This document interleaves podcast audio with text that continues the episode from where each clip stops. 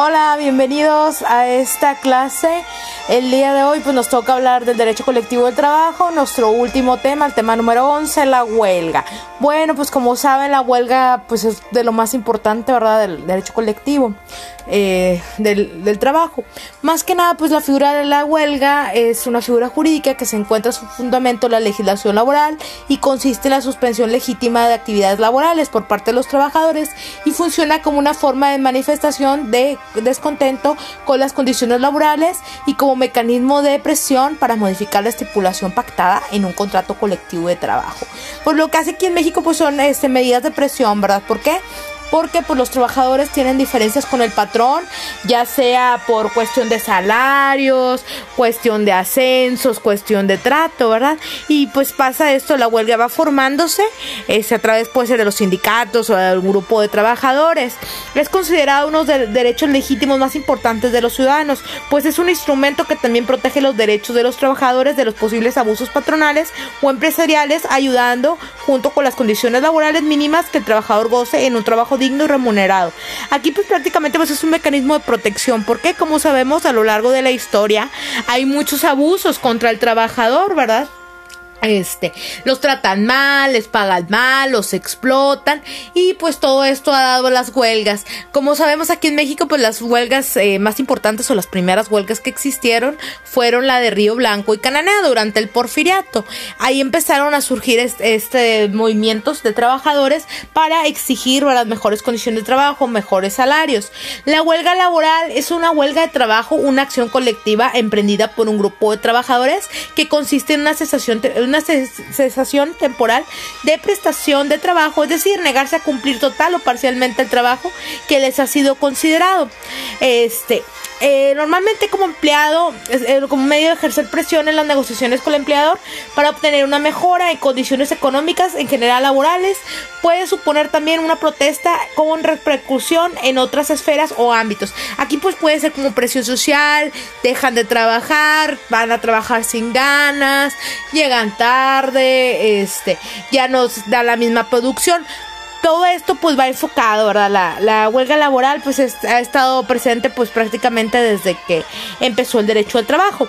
La huelga cobró importancia como una organización industrial de trabajo en que grandes grupos obreros sometidos a condiciones similares, agrupados eh, físicamente en un taller o mina, pudieron por primera vez organizar su actuación como grupo homógeno. Aquí pues ya empezaron las primeras eh, huelgas sobre las minas, sobre las maquiladoras, sobre la industria, ¿verdad? Ah, como se los comentaba en, durante el final del porfiriato. Fue cuando fue transformándose esto. ¿De dónde viene la huelga? Viene de la revolución industrial. Como sabemos Europa este, eh, surgió este movimiento, la revolución industrial, y posteriormente pues, salieron los sindicatos. Y eh, los sindicatos tenían este, la huelga como eh, medida de defensa junto con su libertad sindical. Aquí podían exigir al patrón, este, por, por medio del sindicato, unas mejores condiciones de trabajo, mejor sueldo, eh, que tuvieran prestaciones, ¿verdad? Si no, pues se iban a la huelga, al paro de labores y posteriormente pues ya iban empeorando, em, empeorando la situación de las empresas. El Pacto Internacional de Derechos Económicos y Sociales contempla la huelga como un derecho esencial dentro del derecho del trabajo y de la libertad sindical. El desarrollo de la huelga, pues empieza con la convocatoria y la comunicación o preaviso de huelga. ¿Qué pasa aquí? Pues el líder sindical o el líder de los trabajadores este, empieza a hablarles a todos, empieza a convocarlos para saber cómo se va a llevar a cabo la huelga, ¿verdad?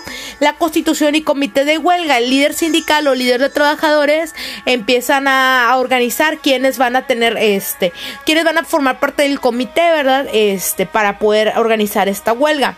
El respeto de la libertad de trabajo los no huelguistas. Aquí pues no se puede este, obligarlos, ¿verdad? A los, a los miembros de un sindicato que, se, eh, que ejerzan su derecho de huelga. La prohibición de sustitución de huelguistas por esquiroles.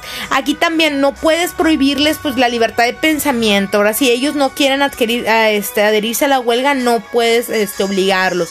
La opción de servicios de seguridad. ¿Qué pasa con esto? Acuérdense que muchas veces, la mayoría de las veces en la huelga se suspende el salario salario y las prestaciones. Posteriormente se pueden pedir como salarios caídos, ¿verdad? En dado caso que ganen, pero pues también tienes que darle una seguridad laboral, porque como sabemos, pues no, no estamos ahorita en tiempos de abundancia, ¿verdad? El establecimiento de garantías precisas para el mantenimiento de servicios esenciales de la comunidad. Este, por ejemplo, si presta una, una empresa, ¿verdad? Este, un servicio a la comunidad, pues no pueden dejarlos este, sin servicio. Lo que van a hacer es reducir ese servicio en parcialidad, pero no en su totalidad. La terminación de la huelga por desembocatoria o desistimiento unilateral, acuerdo con las partes en conflicto, la mediación de la inspección de trabajo y arbitraje obligatorio de acuerdo al gobierno. Aquí pues también este tienen que aceptárselo las autoridades del trabajo, porque si no no se va a poder llevar a cabo. Los efectos de la huelga pues son tanto económicos como sociales. La huelga es una causa de suspensión del contrato de trabajo. Esto se, produce a la interrupción de las prestaciones recíprocas de trabajo por parte del trabajador y el salario del Mientras dure la huelga, la inactividad sin el que el ejercicio de la huelga puede dar lugar a la extinción de la relación de trabajo si da lugar a una sanción. Aquí no puedes correrlos a los trabajadores mientras están ejerciendo su derecho de huelga, sí los puedes sancionar, pero no en su totalidad. El trabajador permanece como una situación de alta especialidad de seguridad social, suspensión de obligación de cotización por parte del empresario y propio trabajador. Aquí también sí les puedes suspender su seguridad social como una prestación, pero pues tampoco los puedes dejar sin nada. La huelga ilegal o llevada a cabo con el, con el del régimen jurídico establecido por su ejercicio, causa de incumplimiento del contrato por parte del trabajador huelguista si se considera grave y culpable, puede lugar a causa de un despido disciplinario. Aquí también, por ejemplo, si ejercen la violencia o también eh, dañan las instalaciones. Miren, normalmente así el procedimiento práctico que se hace en México, ¿verdad? Es que empieza la planeación de la huelga, dan aviso a las, a las, este, a las instituciones de trabajo, en este caso Junta de Conciliación y Arbitraje y Secretaría del Trabajo y Prevención Social. Se da aviso a estas dos autoridades posteriormente que aceptan la huelga ya este, se comunican con el patrón que van a entrar a huelga colocan las banderas roja y negro que son muy, muy clásicas y presentan este, un escrito aprobado por las autoridades del trabajo para empezar ahora sí la huelga. Puede durar un mes hasta indefinido. Hasta que ya lo citen a la audiencia de la Junta y posteriormente se promulga el laudo. Tipos de huelga. Eh, según los sujetos que ejercitan el derecho de huelga, la huelga puede ser ejercitada por trabajadores por cuenta ajena, trabajadores asalariados o funcionarios. Este aquí por eh, los que trabajan por su cuenta si están apoyados también por un sindicato gremial, este un sindicato grande, ya los conocemos, la CROC y la CTM. Muchas veces este hay trabajadores que están afiliados a este tipo de sindicatos y trabajan en otra empresa chiquita, ¿verdad? Y ahí ellos se encargan de ejercer la huelga. Los trabajadores asalariados pues son los que trabajan para una empresa que tiene su propio sindicato y ahí pueden ellos ejercerlo. Y de funcionarios pues es la gente, los burócratas, la gente que trabaja en gobierno, en algunas instituciones de gobierno, ¿verdad? Eh, sin ningún caso, causas para motivar la, la, huelga, se distingue entre la huelga laboral, tiene lugar por causas derivadas de la propia relación de trabajo. Aquí puede ser por la explotación, por la falta de salarios, por la falta de prestaciones. La huelga extralaboral, que lleva a cabo por motivos públicos o cualquier otra finalidad ajena al interés profesional de los trabajadores. Aquí puede ser este ya por una causa ajena, ¿verdad? Puede ser por fuerza mayor, por contingencias, este, por eh, problemas que tenga el patrón con el gobierno, este, y huelga solidaridad o empatía que eh, se defiende el interés de un ajeno o relación contractual, actuando sin embargo el apoyo de otros trabajadores en conflicto o se solidarizan. Aquí también, por ejemplo, cuando corren un trabajador o varios trabajadores que empiezan los, los recortes masivos o los despidos masivos, los mismos trabajadores que quedan por solidarizarse con este el trabajador que fue este, rescindido sus labores, que fue despedido, pueden apoyarlo. Este, y cabe distinguir que la huelga turnante o rotatoria eh, realiza en modo sucesivo a las distintas unidades productivas de una empresa o centro de trabajo o ámbito geográfico determinado con la finalidad de afectar la coordinación de producción. Aquí es voy a afectar la producción, si no produce pues la empresa va a perder. La huelga estratégica, este, o eh, tapón o trombosis es aquella que afecta solo el modo directo de la actividad productiva básica de la empresa a los sectores estratégicos. Así solo sería este, a los departamentos estratégicos el departamento de logística, si se van a huelga los de logística, pues no van a tener cómo repartir el producto, ¿verdad? La huelga de, celo o reglamento consiste en la ejecución minuciosa eh, reglamentaria de trabajo que consiste en el retraso del mismo. Aquí también que retrasan el trabajo, empiezan a este a dejar de trabajar eh, paulatinamente, se dejan este eh, dejan de trabajar y pues van a retrasar este trabajo y van a tener problemas económicos para la empresa. La huelga intermitente son aquellas que se altera el momento de normalidad laboral y la cesación de trabajo. Posee una tipología bastante variada. Alternancia en horas de trabajo que trabajan sí o trabajan mediodía o trabajan solo ciertas horas o ciertos días de la semana o periodos más amplios. Este tipo de huelga intermitente la uso mucho en Asia, específicamente en Japón, que empiezan a trabajar horas extras para que les cuenten. O también empiezan a trabajar y trabaje para que quiebre la empresa la huelga de brazos caídos o huelga de pie de fábrica, en las que los trabajadores no abandonan la instalación de la empresa, se establece un turno relevo para permanente, siguen trabajando aunque este, estén en huelga. La huelga escalonada, cuando las actividades productivas son paralizadas progresivamente unas después de otras. Ahí pues empieza a trabajar y luego después ya se van a su casa y vuelven a trabajar. La huelga general la plantea simultáneamente todos los oficios de una o varias localidades. Aquí, por ejemplo, si nuestra empresa pues tiene, este, eh, está a nivel nacional, ¿verdad? Tiene ámbito a nivel nacional, pues todas, todas este, las sucursales, incluso la matriz, van a parar. O sea, van a, van a parar sus actividades todas las, este, todas las sucursales de la empresa. De acuerdo con la legalidad, la huelga, la huelga puede ser este, legales, convocadas de acuerdo a los plazos que marca la ley, los estatutos que les comenté hace un rato, que lo vemos con la Ley Federal de Trabajo, y legales, que marcan previo aviso un plazo menor al que marca las leyes. Aquí pueden este, durar años o también pues, pueden ejercer el uso de la violencia o amenazas y las disposiciones generales de la huelga se encuentran en el artículo 440 de la Ley, General Ley Federal de Trabajo. Huelga la suspensión temporal eh, del trabajo llevada a cabo por una coalición de trabajadores. Este, para los efectos de este título, los sindicatos de trabajadores son coaliciones permanentes, o sea, se unen para apoyar a, los trabajadores. La huelga puede abarcar una empresa o varias o, varios establecimientos, depende cómo sea el el, el este el este, la situación. La huelga ilícita inexistente son limitaciones establecidas por la propia ley con intención de evitar la suspensión de actividades laborales, se haga de manera injustificada, forma violenta o en una forma de representante un peligro.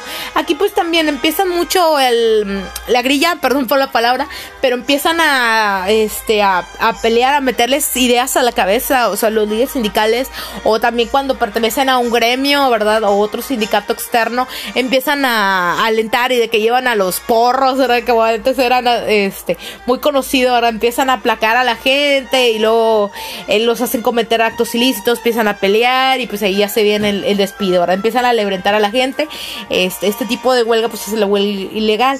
La ley, eh, la, huelga injustificada y existente, la huelga no se ha declarado inexistente, deberá tener como objeto los supuestos planteados en el artículo 450 de la Ley Federal del Trabajo, buscar un equilibrio entre las condiciones de trabajo, la producción y el capital de una empresa, exigir un que se celebre un contrato colectivo de trabajo, contrato ley, debe de existir porque va una copia este, con, con los estatutos también eh, de trabajo para poder este, promover el, procedimiento de huelga ante la Junta. Exigir el cumplimiento del contrato colectivo ley.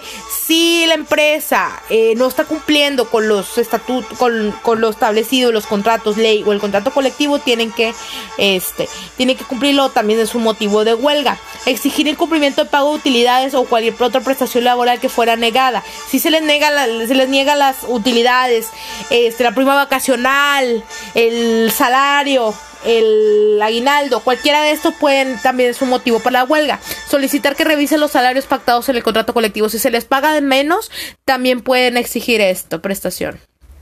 El objetivo de la, huelga consiste en el equilibrio entre diversos factores, producción armonizada y derecho del trabajo, como los de capital. Obtener del patrón, los patrones la celebración del contrato colectivo del trabajo y exigir una revisión de término.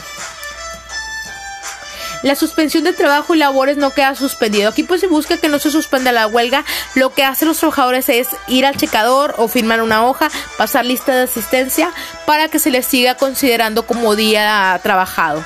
Para posteriormente el pago de salarios caídos. Los trabajadores huelguistas deberán continuar prestando los siguientes servicios, pues buques, trenes, aviones, hospitales, sanatorios, clínicas establecidas. Este, el procedimiento de huelga se iniciará mediante la prestación del pliego de peticiones que deben reunir los siguientes requisitos. Se dirigirá por escrito al patrón, en él se formularán las peticiones, anunciará el propósito de ir a la huelga. Si no son satisfechas, expresarán correctamente el objeto de la misma. Se ah, presentará un duplicado en la Junta de Conciliación y en la Secretaría del Trabajo. Es importante que sean este, eh, presentadas en ambas eh, instituciones de trabajo, sobre todo en la Junta. El aviso de suspensión de labores deberá darse por lo menos seis días con anticipación a la fecha señalada para suspender el trabajo. Se hace la notificación al, patrón que va a iniciar la huelga para que esté enterado. El presidente de la Junta de Conciliación y Arbitraje y las autoridades este, del trabajo eh, podrán llegar a un, acuerdo este, con, el patrón. Posteriormente, pues si no es así, ya se van a la audiencia de la Junta de Conciliación y Arbitraje y pues van a buscar eh, terminar el, primero se hace la conciliación este para ver si se puede arreglar, ¿verdad? Si no, pues ya se irían al trámite para el arbitraje, para este que, que, que, suspende la huelga y poder regresar a, a, las labores. Bueno, pues prácticamente este es todo. Espero pues que les haya gustado este este tema de las huelgas, pues lo veo yo como un tema muy importante porque pues cuando ya sale el laudo tienen que pagar salarios caídos, restitución de los trabajadores, siempre y cuando no caigan en la huelga ilícita. Como quiera pues ya tenemos nuestro material, ¿verdad? Eh, aquí en la plataforma. Espero pues que haya sido de su agrado. Por último, las cláusulas de las causas de terminación de la huelga pues es voluntad de las partes que llegan a un acuerdo patrón y trabajadores. Cuando el patrón accede a cumplir las peticiones de los trabajadores y paga los salarios caídos, es importante que los pague, siempre se pueden siempre y cuando puedan comprobarlo. Por el dictamen este, laudar arbitral, que ya se da el laudo, ¿verdad? En este caso, y obliga a la terminación de la misma y, restablecimiento de los trabajadores. El laudo dictado por la Junta concilió el arbitraje cuando los trabajadores someten a su decisión. Tienen que someterse a lo que diga la Junta por medio del laudo. La huelga terminará de acuerdo a los trabajadores huelguistas y patrones si el patrón se halla en cualquier tiempo a peticiones contenidas por escrito de emplazamiento de la huelga por el audio arbitral la persona comisión este, que, libremente elija las partes y el audio de la, de la Junta de Conciliación y Arbitraje los trabajadores huelguistas someten al conflicto de su decisión. Aquí si el audio dice tienen que regresar a trabajar y termina la huelga tienen que obedecerlo. Bueno pues ya llegamos a nuestro tema final. Espero pues que les haya servido mucho esta información acerca de las huelgas. Este, por último, pues eh, sí, sí, sigue existiendo el procedimiento de huelga en México. Lo ven mucho en la Junta de Conciliación y Arbitraje. Ya no es tan común. Hubo un tiempo que era súper común entre el porfiriato y los años 70 más o menos.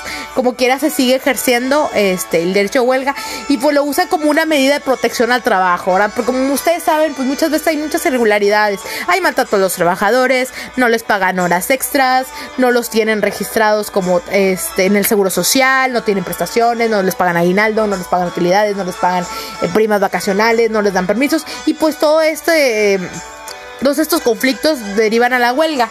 Bueno, espero que les haya gustado mucho. Les agradezco por su atención.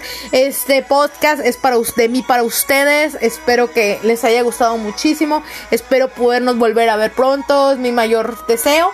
Este, cuídense mucho, lávense las manos, coman frutas y verduras, eh, eviten salir lo, menos posible, cuiden a sus familias, este, estén en casa, busquen una, un entretenimiento, por ejemplo, escuchar este podcast. hecho por mí. Nos vemos muy pronto. Ojalá podamos arrancar el siguiente treta eh, con todas las ganas posibles.